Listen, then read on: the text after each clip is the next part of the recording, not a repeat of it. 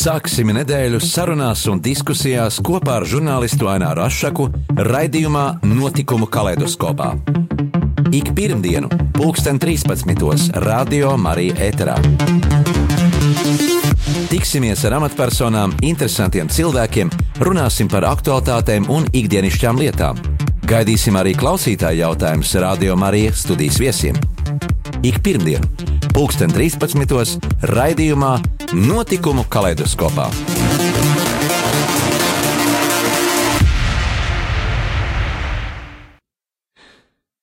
Esiet sveicināti otrajās lieldienās.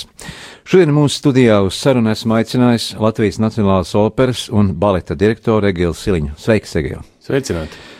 Atgādināšu, ka Egils Siliņš ir desmit starptautisko vokālistu konkursu laureāts, triju zvaigžņu ordeņu virsnieks un spožākais latviešu basbaritons, kurš iekarojas ir pasaules opernam zelta piecinieku. Vīnes valsts operu, Ņujorkas metropolitēnu, Milānas Laskala, Parīzes Bastīlijas opera, Londonas Covent Gardena opera, kā arī daudz citas pasaules opera teātris. Un mākslinieka repertuārā kopš debijas 80. gada beigās pavisam kopā ir ap 90 lomu, no kurām visizcilākais bijis Riharda Vāgnera opera mūzikas interprets. Man liels prieks, ka piekriti pabūt Eh, pie mums šodien eh, Radio Marijas studijā. Gan arī visa pasaule šajā mm, brīdī dzīvo tādā, tādā saspringtā atmosfērā, kad mēs eh, esam tādā neziņā, ir apstājusies kultūras dzīve, ir apstājies bizness, un kā šajos karantīnas apstākļos dzīvo Latvijas Nacionālā opera un balets.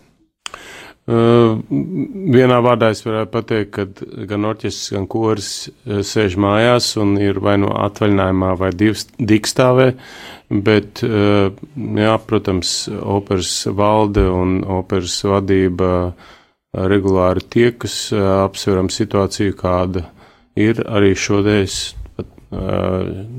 Tikko pirms brītiņa mums bija valdes un vadības sapulce, kur Protams, mēs esam atkarīgi no tās, kāda situācija ir ar korona pandēmiju valstī un ko gan valdība, gan mediķi iesaka darīt un nedarīt. Jā, kādas bija tavas pirmās sajūtas stājoties amatā, jo līdz uh, tam tu uh, veici radošu darbu, vairāk tagad ir administratīvas, finansiālas lietas jākārto, un kādi bija tavi pirmie darbi? Eh, kad ienāci eh, gada nogalē operā? Eh, nē, nu, jāsaka tā, ka man nebija liels pārsteigums šis darbs, jo es ar teātri kā operdziedātājs saistīts jau pilnus 30 gadus, un burtiski vēl agrāk es jau, kad man bija nepilni 17 gadi, jau sāku dziedāt operetes, korī, būdams vēl toreiz kultūras eh, un darbinieku eh, tehnikuma eh, audzēknis. Nu, droši vien tie pirmie lēmumi bija drīzāk tādi, kur bija ātri jāizšķirās un jāizlēm, teiksim, bija tieši konkrēts, burtiski vēl nesot amatā, man es tiku piesaistīts klāt pie lēmuma, uh, vai pīķa dāmai būs uh, jauns iestudējums, uh, un pat cik tajā brīdī toreiz uh, iestudējuma izmaksas jau bija izaugušas ļoti augstas, un tad es biju tas, kurš iestājās pret uh, šo jaunu iestudējumu, un arī paturot prātā to, ka Andrēja Žagara pīķa dāmas iestudējums uh, iepriekš uh, bija ļoti veiksmīgs, un uh, Eh, es uzskatīju, ka tomēr eh, šī nauda jātaupa un eh, jāatjauno labāk viens veiksmīgs iestudējums nekā jā, jāriskē ar vienu jaunu iestudējumu, kur nevar zināt, vai viņš veiksmīgs būs. Kā uzņēma tavi bijušie skatuves kolēģi, kā direktori, jo iepriekšējais direktors bija mm, Zigmārs Liepiņš, bet tu biji tieši no, no, no šo mākslinieku vidas. Es domāju, tur drīzāk jājautā pašiem šiem kolēģiem. Eh, jāpiebilst, ka gan eh, praktiski 30 gadus es eh, dziedāju pamatā ārzemēs, un esot Latvijā, tie bija ļoti epizodiski tādi klātbūtnes brīži. Tas bija nu, pēdējos 5, 6 gadus, teiksim, Zigmāra Liepiņa operas valdījuma laikā es tikai burtiski pēdējā sezonā uh, dziedāju vienu jaunu studējumu, un tās pārējās reizes bija varbūt kaut kāda vienas, divas reizes sezonā.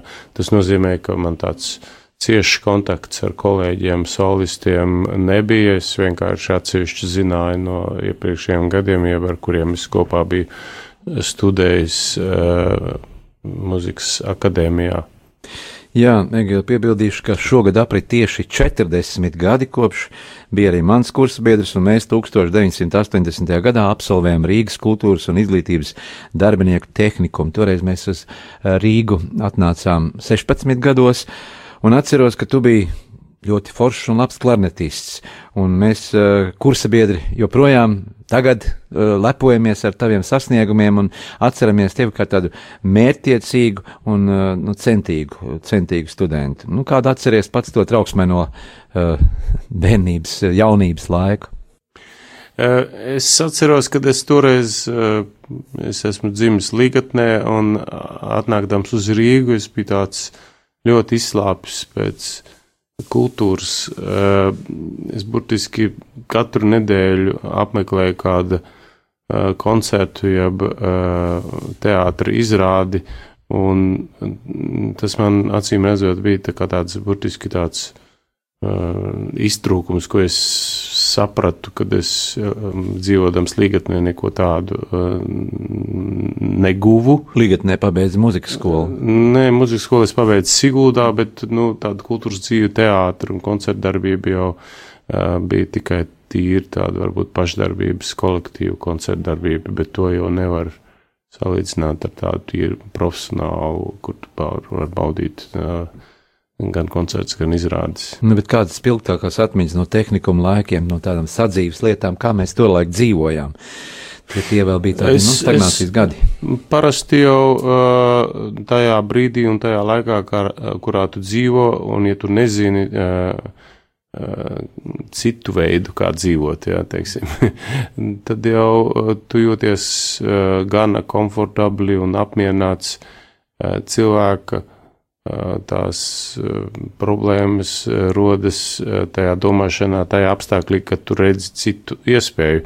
Es domāju, šis apstākļus arī ir teiksim, tādām nabadzīgām Āfrikas tautām un, un cilvēkiem, kuri šodien dzīvo nabadzīgos apstākļos, bet viņiem ir iespēja satelīta televīzijā redzēt uh, amerikāņu filmas ar ļoti augstu komfortu un dzīves līmeni. Eh, mums tajā laikā šī iespēja eh, redzēt, eh, kāda dzīve ir rietumos, praktiski nebija. Tikai bija tādi nostāsti un kaut kādi atsevišķiem cilvēkiem un mm, kaut kāda rada radienu paziņas kaut kur kaut ko atstāstīja, un tas viss tomēr bija tādu, jā, apvītu tādu kaut kādu noslēpumainību. Jā, nu pēc. Bet, bet kopumā es gribu vienkārši piebilst, ka, manuprāt, man tā jaunība bija ļoti pozitīva. Jā, pēc tehnikuma beigšanas atkal mūsu uh, ceļi vai liktenis mūs aizveda uz Valsts akadēmisko koru Latviju, kur dziedājām daudz uh, pasaules klasiķu, garīgo mūziku, koncertos, baznīcās, koncertzālēs. Arī bija pirmie ceļojumi pa Padomju Savienību, toreizējo, kā arī braucieni ārpus, ārpus Padomju Savienības robežām, un mēs ieraudzījām to brīvo pasauli.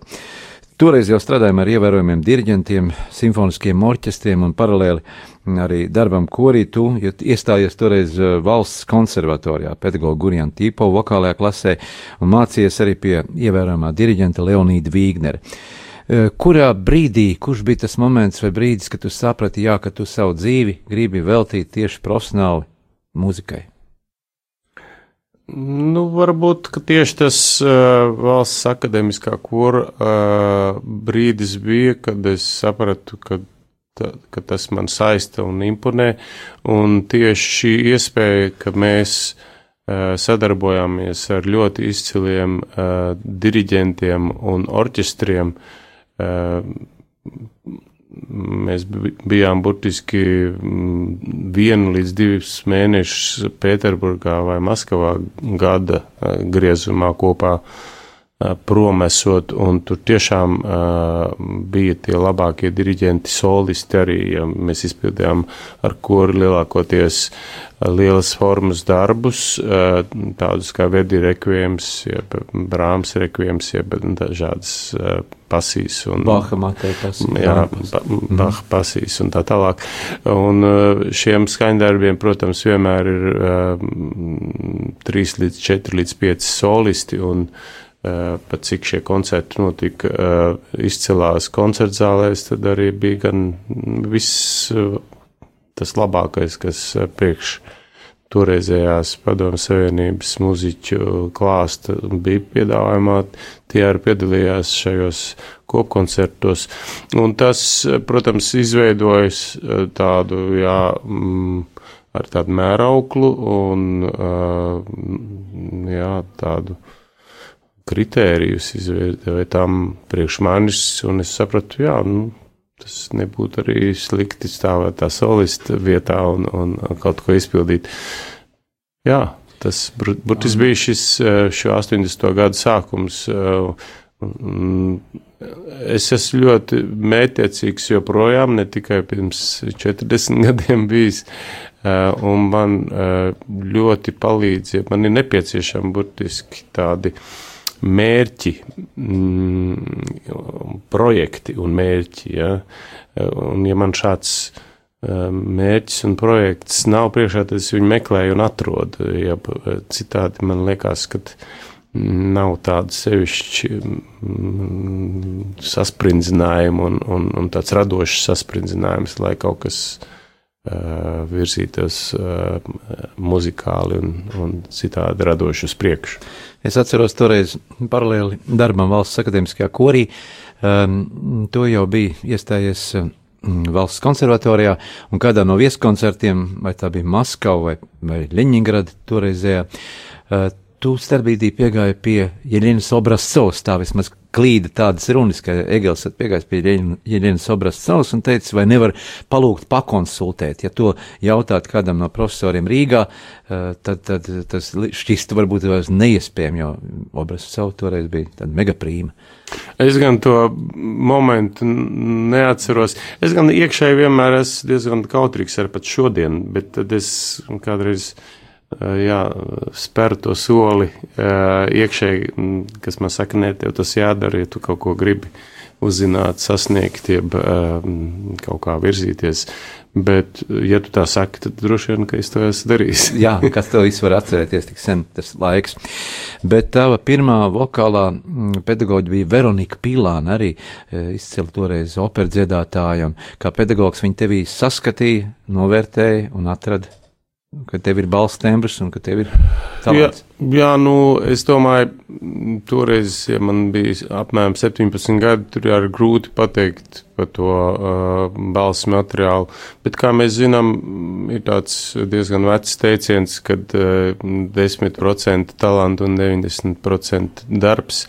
Nu, es šīs proporcijas tomēr nedalītu uh, kaut kādos uh, tādās daļās, bet uh, Katrā ziņā, lai tu veidotu tādu muziķa karjeru un sasniegtu kaut ko, tev ir vajadzīgs liels darbspējas, un tev jāredz acu priekšā, ko tu gribi sasniegt. Latvijas savu atpazīstamību pasaulē ir iegūsts ar sportistiem un, protams, caur mūziķiem, dziedātājiem.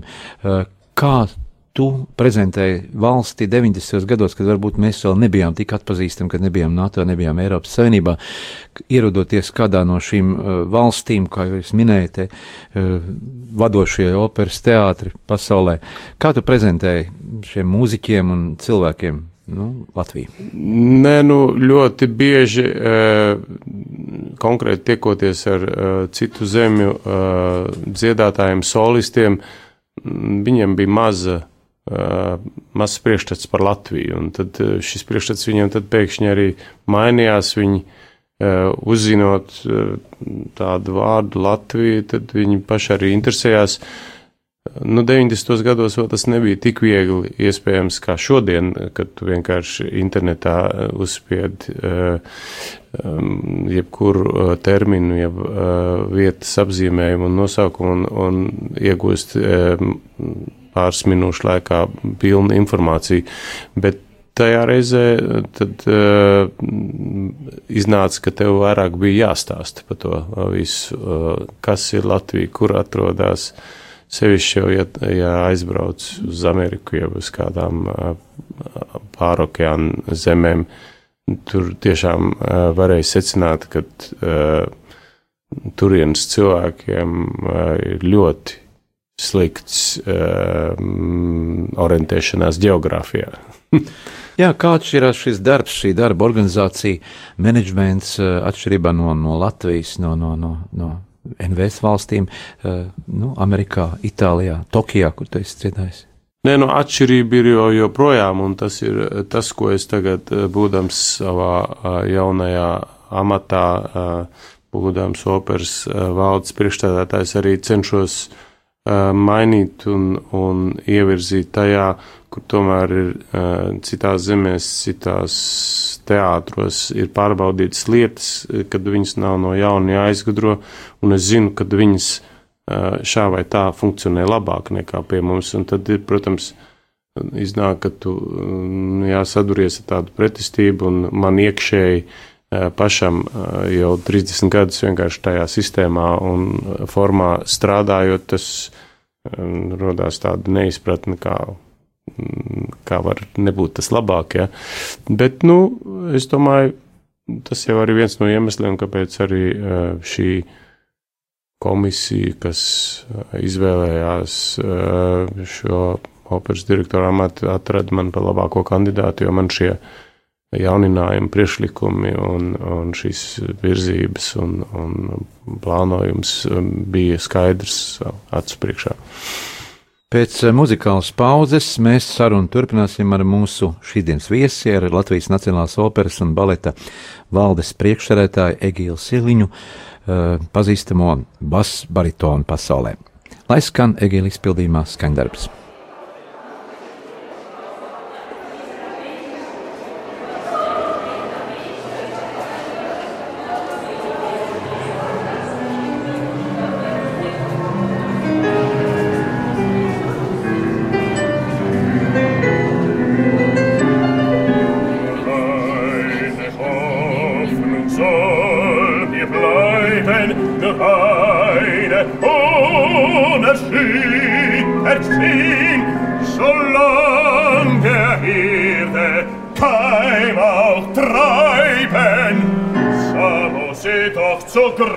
Ende geht.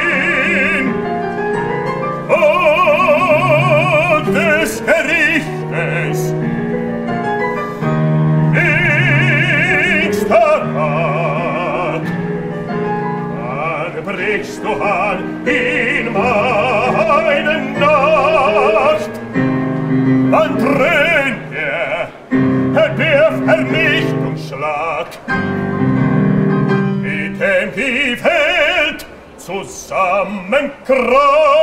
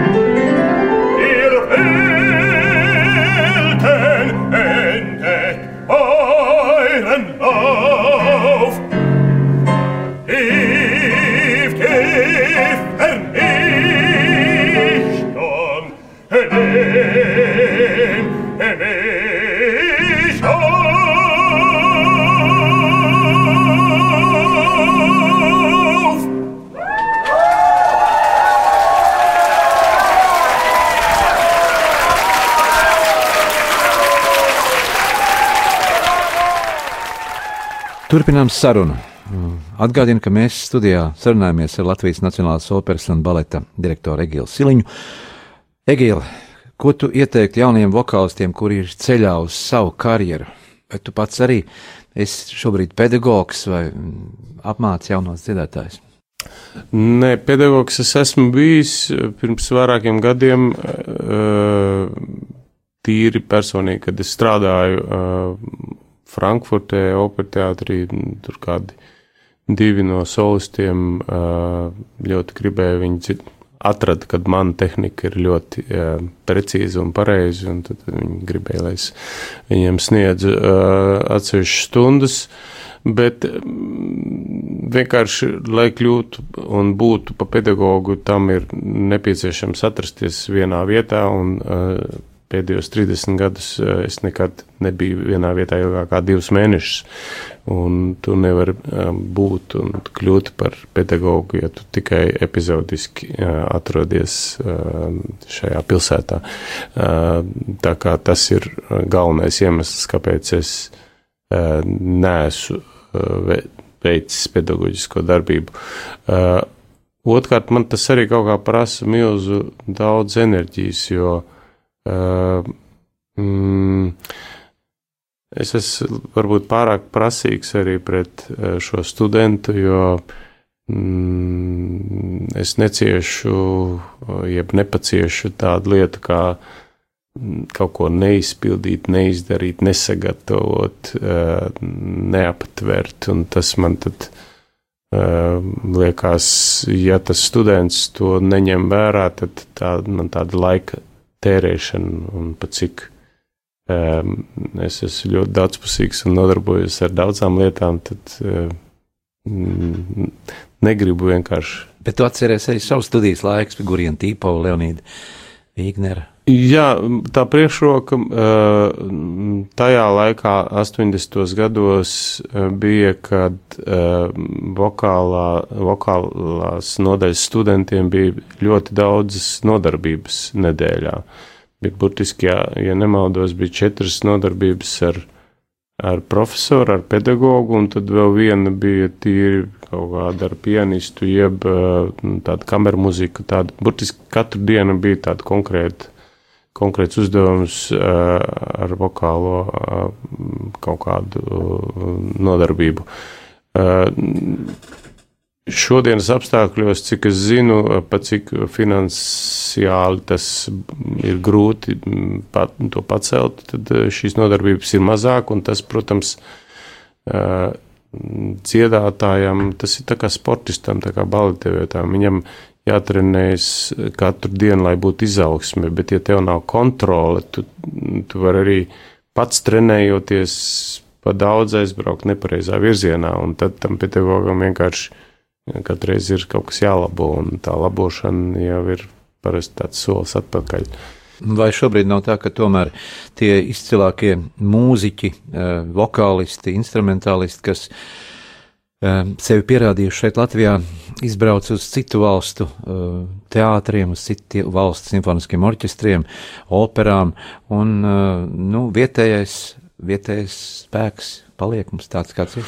Nē, nu mums tomēr arī vietējais muzikas, muz, muzikas un muziķu līmenis ir ļoti augstā līmenī salīdzinoši ar, ar citām valstīm, zemēm un tā, bet, nu, tāds jau ir tas kapitālisms. Kapitā, ziņā, kapitālisms ir tas, kur tev piedāvā uh, labāku uh, darbu, labākā orķestrija, labākā operteātrī. Uh, protams, nu, kā, kā, kā tu atteiksi, ja tas atalgojums citreiz ir desmit reizes lielāks. Mm -hmm. Tu esi strādājis ar pasaules slaveniem orķestriem, diriģentiem, un kādas ir spilgtākās atmiņas no tām personībām, ko mēs Latvijā, nu, piemēram, pieminam Plasido Domingo, Pavaroti, eh, nu, izciliem diriģentiem, vokālistiem kopā strādājot uz vienas skatuves atrodoties? Nu, es esmu ar ļoti daudziem eh, slaveniem dziedātājiem kopā dziedājis. Eh, mana paša teiksim, pirmā debija uz Vīnas valsts operas skatuves bija tieši izrādē kopā ar ļoti slavenu, pasaules slavenu soprānu Edīte Gruberova.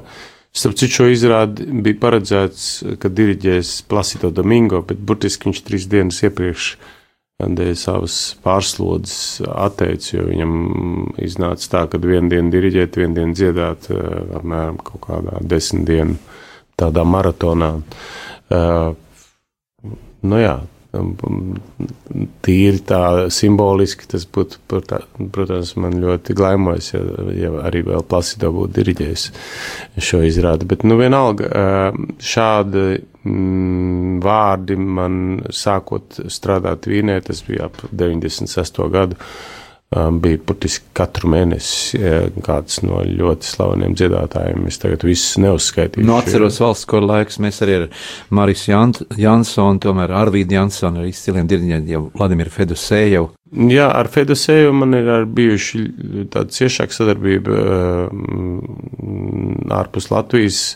Un viens no tādiem spilgtākiem uh, notikumiem ir tieši Bregences festivālā, uh, 97. gadā, kad mēs eh, izpildījām Rubinsteina dēmonu iestudējumu, un viņš bija pie diriģenta pults, tā bija ļoti izdevusies izrāde, kur tika arī divus gadus vēlāk atkārtot uh, Cīrihas operā arī ar viņu pie diriģenta pults. Tā kā uh, bez tam esmu arī viņu vēl kādus 4-5 projektus kopā veicis, bet tie spilgtākie uh, atmiņu momenti ir tieši no šīs um, dēmona izrādes. Nu, vai tev ir arī kāds noslēpums, kā tu sakoncentrējies un, un, un, un, un relaksējies, atpūties pirms, pirms izrādes, pirms iznākšanas uz skatuves? Kāds ir šis varbūt noslēpums? Kā? Mm, es domāju, man nav nekāda noslēpuma. Man tu, tu, tu, daba ir atvēl, apveltījusi ar labu veselību. Es neatceros, kad es būtu slimojis. Un atmiņu,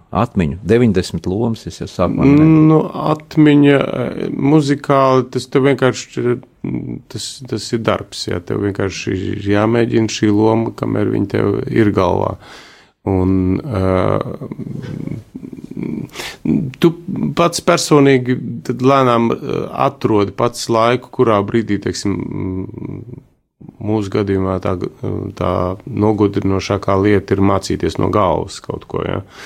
Uh, bet es zinu, ka agrāk, uh, pirms gadiem, pats man bija vieglāk mācīties pirms gulētiešanas, tad es, kā saka, mācījos no galvas. Bet tagad man tieši otrādi, viss agri no rīta, pulkstens septiņos, var ļoti mm, labi iemācīties kaut ko, mm, kaut kādā nelielā laika sprīdī, stundas, pusotras stundas laikā var paveikt to, ko mm, agrāk varēja vakarā izdarīt. Tagad vakarā man ir kaut kā smadzenes nogurušas vairāk. Jā, cik valodās tu esi dziedājis? Aptuveni. Nu, kādās piecās, sešās esmu. Es, es runāju piecas valodas. Kāds? Sesto, se, nu, es runāju angļu, angļu, vācu, krievu, latviešu, spāņu un nedaudz itāliešu valodu. Mm. Jā, kādas struktūrālas pārkārtošanas un pārmaiņas es paspēju ieviest tagad administratīvā darba veicot, un vai, vai pašam laiks šobrīd arī dziedāt, uzstāties tepat Rīgā, Latvijā, varbūt arī paviesošanās kaut kur ārpus Latvijas? Mm, Planot.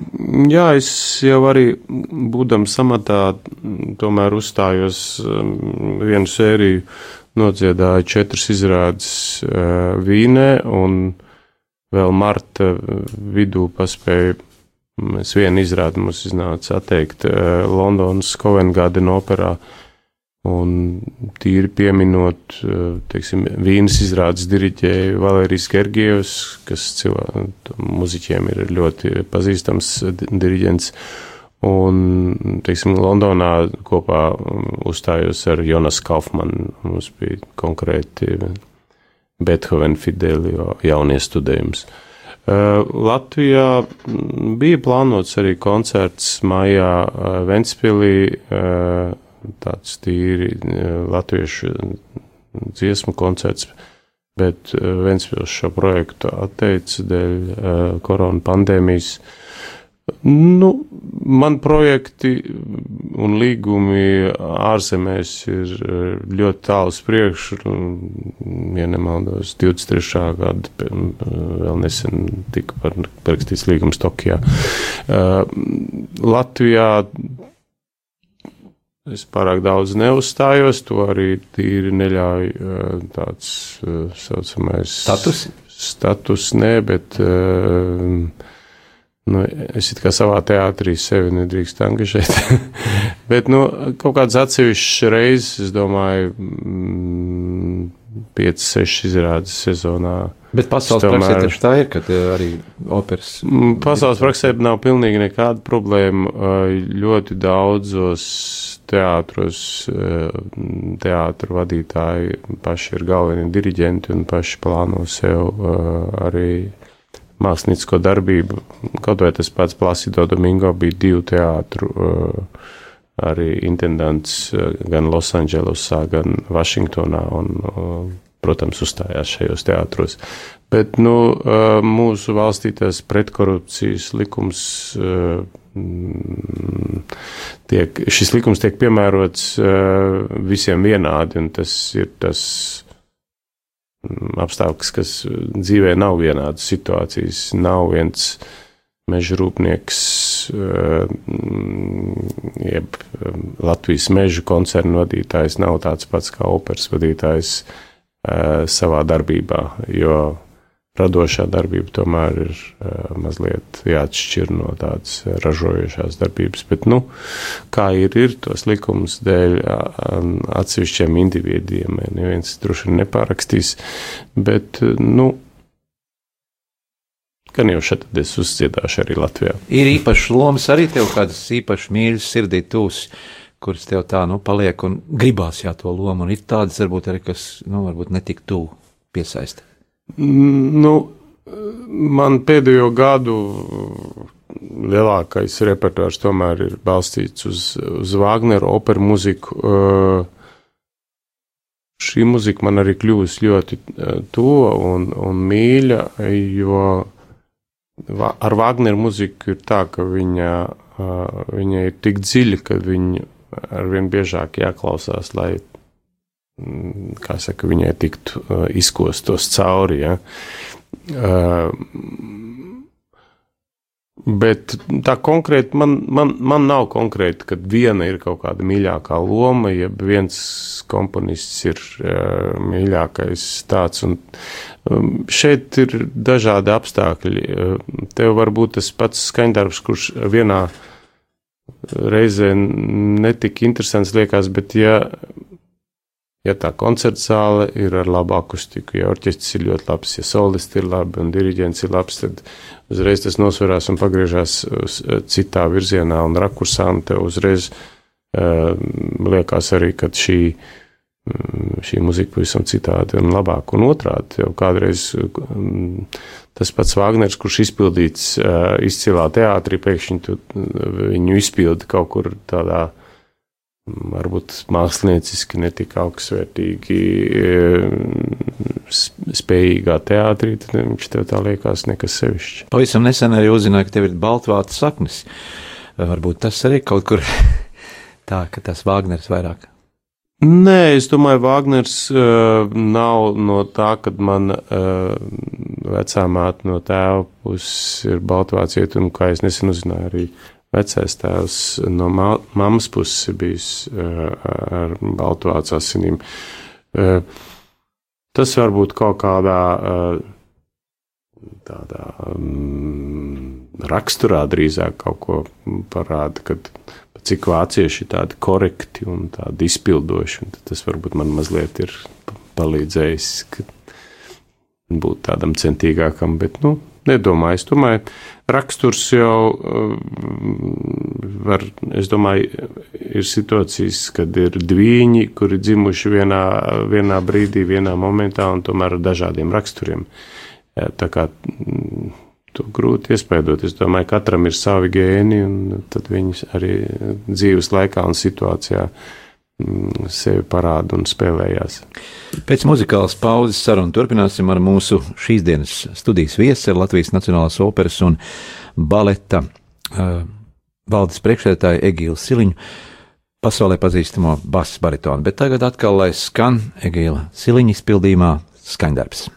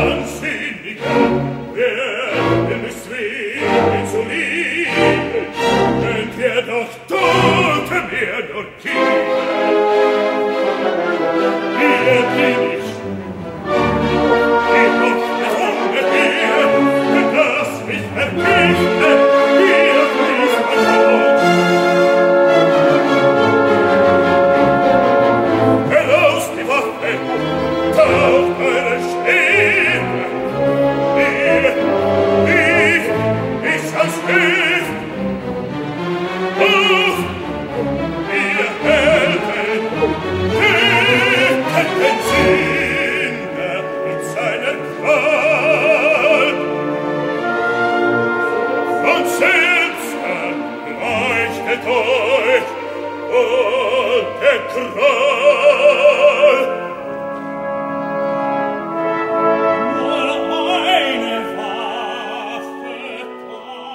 Turpinām sarunu studijā ar Latvijas Nacionālās operas un baleta valdes priekšsēdētāju Egilu Siliņu.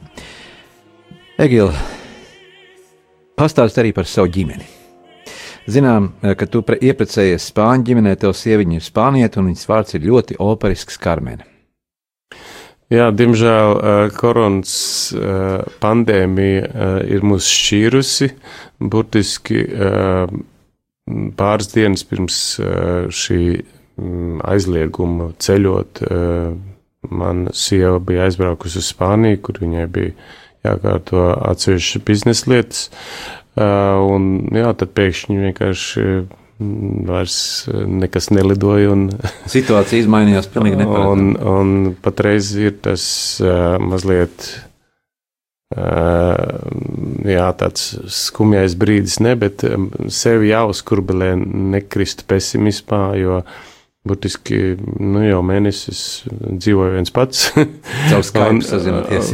Sazināmies, Jā. protams, komunicējam, bet uh, telefoniski ir viena lieta, bet tīri, kad tu tā, to cilvēku kopā esi, ir pavisam kas cits. Mm, diemžēl joprojām arī nezinām, kad beigsies uh, viss šī. Mm, koronas pandēmija, bet uh, es realistiski skatos, ka uh, diez vai ātrāk pa jūliju būs kaut kādas iespējas um, redzēt savu sievu. Mm, kur ir tavs īstās mājas? Jo, jo mm, vairākā, vairākās intervijās tu esi minējis, ka tas ir tas brīdis, kad tu esi tur vai tur, ka tev darbs ir tāpat kā sportistiem, kas ir attiecīgi laika posms nozīmēti tur strādāt. Uh, Nē, nu, ja, ja es līdz novembrim uh, varēju teikt, ka manas mājas ir uh, Spānijā, uh, jo tur es uzturējos uh, tajā brīdī, kad nestrādāju kādā ārzem teātrī, tad es atrados uh, Spānijā. Tad tagad, uh, esot jaunajā amatā, uh, operas valdes priekšstādātāja uh, postenī, protams, manas mājas ir uh, pārcēlušās atpakaļ Uh, uz, uz Latviju, bet kaut gan es nekad no Latvijas arī neesmu. Saka, nošķirts bijis. Jā. Nošķirts bijis vienmēr, uh, kamēr vēl dzīvoja arī mamma, regulāri braucu ik pa kādām piecām nedēļām visus šos gadus uz Latviju ciemos un man gan dzīvoklis, gan laukumāja joprojām bija un būs. Jā, un pirms pāris gadiem tev arī atlīdzināja laiku, lai satiktos ar kursabiedriem pie mūsu kursabiedrības Olgas Rajeckas, kur arī, zinām, personība ir. Un tāpat jāsaka, mēs mācījāmies tādā laikā, kad arī kultūras ministrs bija kultūras darbinieku tehnikuma audzēknis. Arī interesanti. Tā kā radošas personības, aktieri, mūziķi, dziedātāji, visi jau kaut kur satiekās un darbojās. Jā, nu es domāju, mēs vis, jebkuros posmos, dzīves posmos un, un laikos mēs latvieši tomēr esam talantīgi un uh, tagad vienkārši ir pienācis laiks mūsu paudzei izteikties un, teiksim, ieņemt šos vadošos kultūras posteņus. Mm, jā, Es domāju, bet mm, tikpat labi arī mm, desmit gadus vēlāk būs jau atkal tā nākušā paudze, un tur būs tikpat talantīgi cilvēki. Jā, mēs ierunājamies par Spāniju. Nu, pastāst par dzīvi Spānijā, kā tu jūties tur.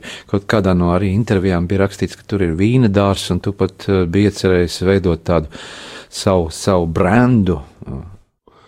Uh, jā, es nezinu, kurā brīdī pat kāda, pa kaut kādu savu brendu es būtu runājis, bet uh, jā, uh, Spāņiem ir ļoti svarīga ģimene, un mēs, mūs, mēs īrējam māju tieši netālu no uh, manas sievas vecāku mājām, un tas ir nošķirti no pilsētas apmēram tāda nelielā pilsēta, tuvākā ir kāda 5 km, un tad mazliet lielāka ir 20 km.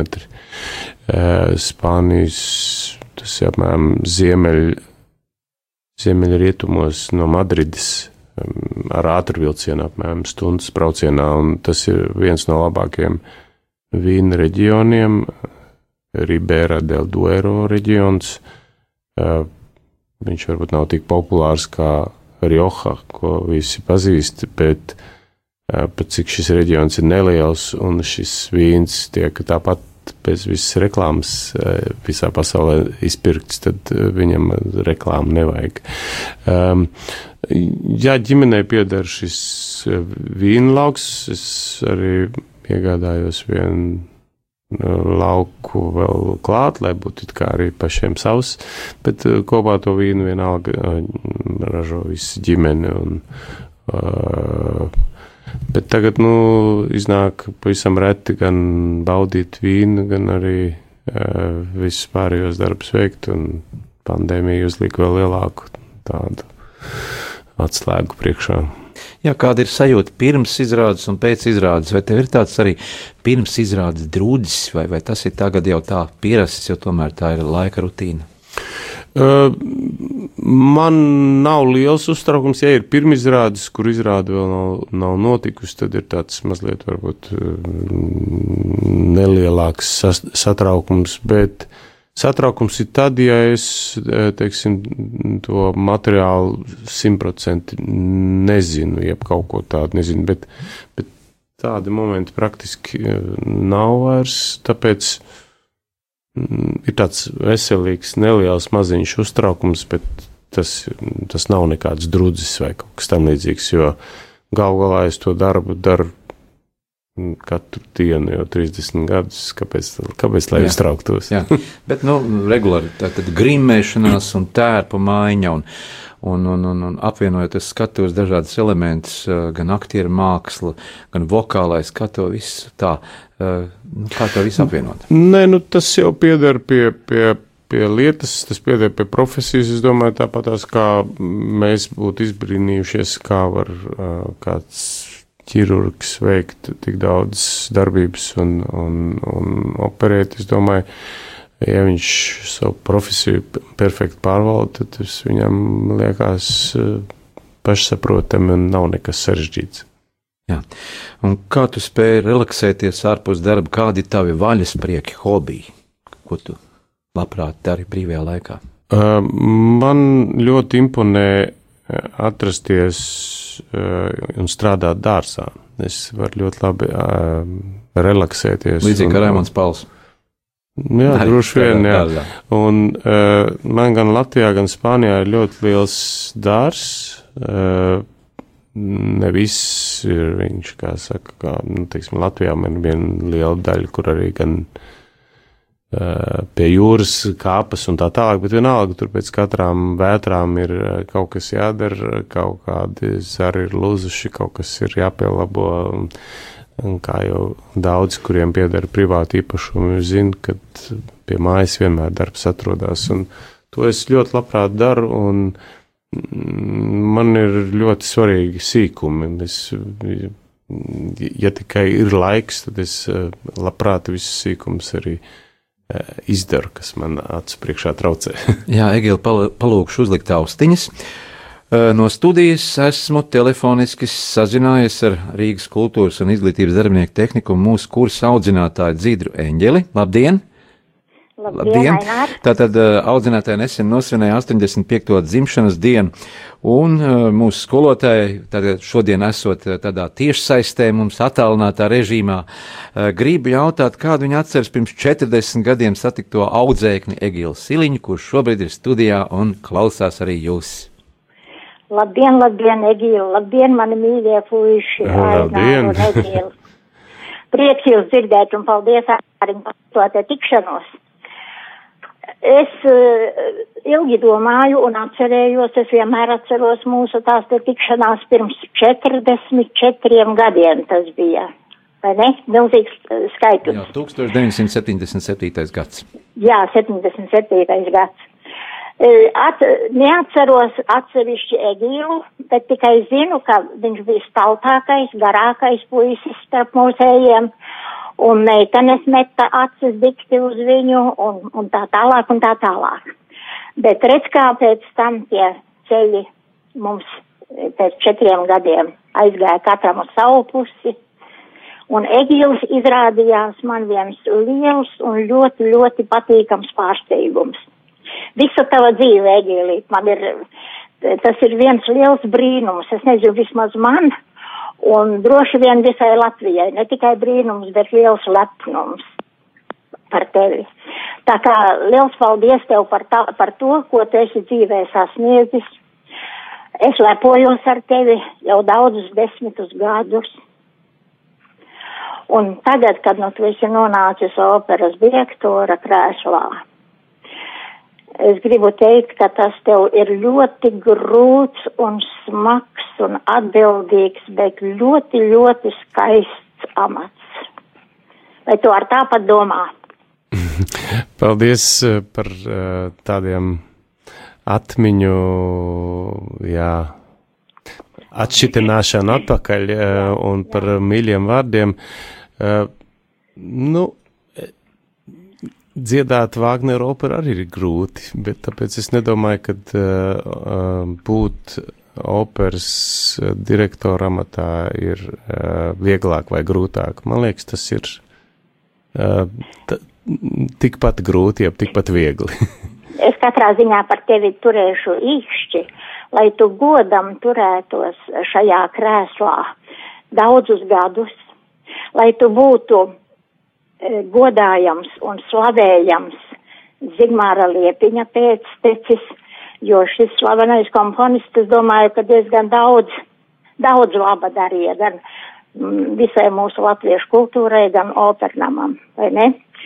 Un tā kā es turēšu par tevi īkšķi, lai tev labi klājas, lai mums visiem ir laba veselība, lai dieviņš mums stāv klāt. Un katrā ziņā, lai viss notiek Un galvenais, lūdzu, turpini dziedāt.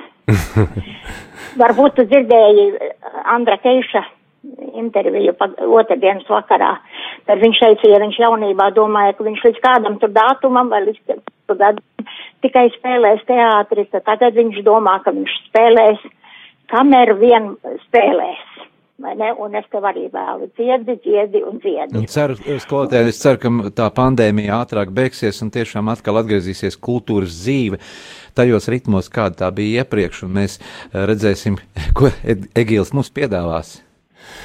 Cerēsim, cerēsim to labāko, un, Dieviņš mūs sargās un noteikti pasargās.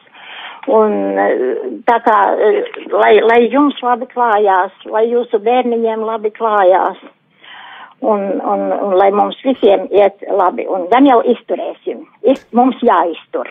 Katrā ziņā ne? izturēsim noteikti. Es esmu optimists. Uh, es arī. Es arī novēlu jums galvenais labu veselību un lai jums Paldies. būtu iespēja arī atnākt uz, uz operu un uh, noskatīties kādu uh, ļoti veiksmīgu izrādi. Es tiešām esmu nevienu tavu izrādi dzirdējusi, tikai tik cik televizorā man ir kauns atzīties, bet uh, es, to, es to izdarīšu. Es to izdarīšu. Nu, tad sarunāsim. Un vēlreiz no mums sveiciens aizgājušajā 85 gadu dzimšanas dienā. Es pieminēju to skaitli, bet, nu, mēs visi, Paldies. visi vairs neesam tie puiši, kas bijām toreiz 16 gadnieki, arī mēs jau. Kā neesam, nu, jā, esam. jā, jums jau var drusciņi, drusciņi gadi. Drusciņi vairāk nākuši ir. klāt, vai ne, drusciņi vairāk ir, bet, nu, turamies. turamies no manas puses ar, no sirds apsveic. Paldies, un arī sveiciens Paldies. otrajās lieldienās. Paldies, paldies, un jums ar sveicienu lieldienās. Visu labu. Paldies vēl, visu labu. Nu, redzēju, kā mēs arī aprunājāmies ar skolotāju tieši saistē.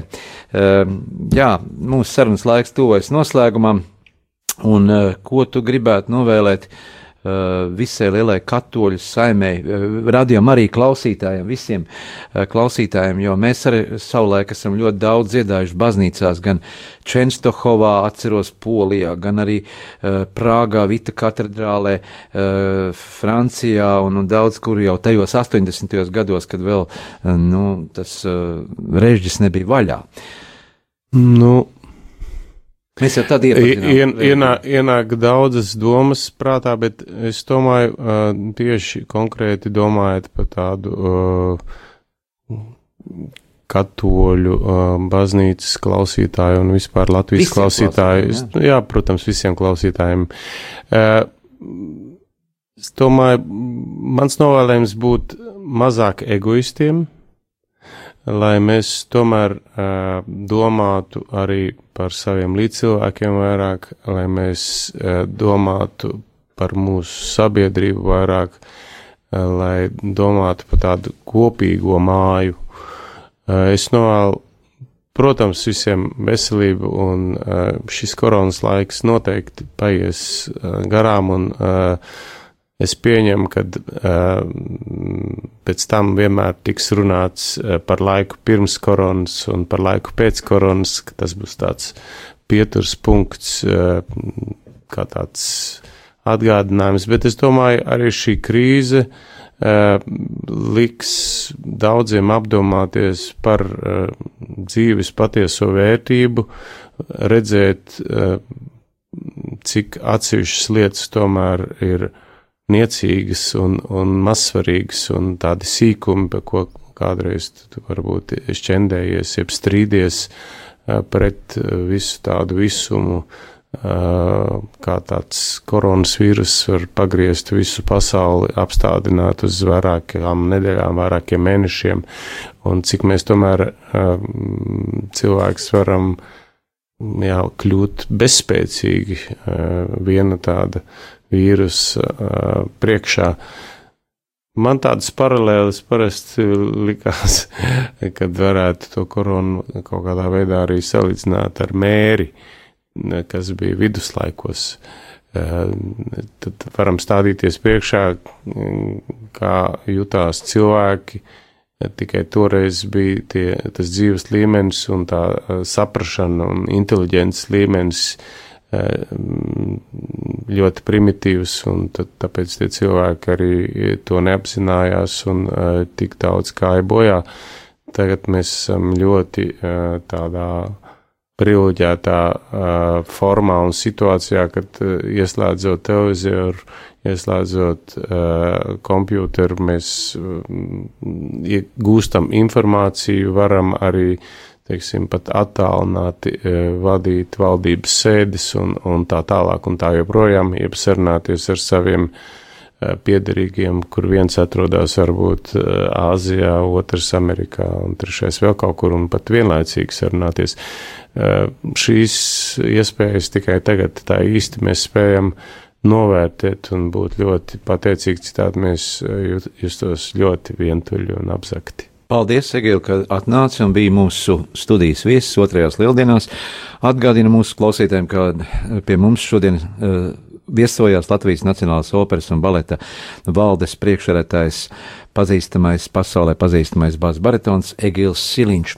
Novēl tev arī priecīgas lieldienas, un uh, šobrīd jāsaka vēl palieciet mājās, neiet nekur, bet, uh, lai ātrāk pienāk tas brīdis un laiks, Uh, lai mēs varam teikt, ejam no mājām ārā, iesim uz koncertiem, iesim uz teātriem, baudīsim mākslu, priecāsimies, un lai dzīves ritmi atkal atgriež mūsu uh, dzīvi tajā, kur mēs bijām.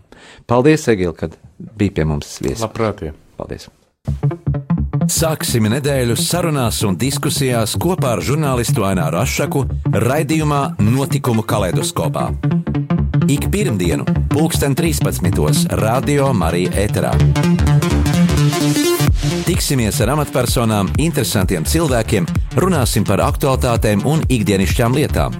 Gaidīsim arī klausītāju jautājumus Radio Marija studijas viesiem. Ik pirmdienu, pulksten 13. raidījumā Notikumu kaleidoskopā.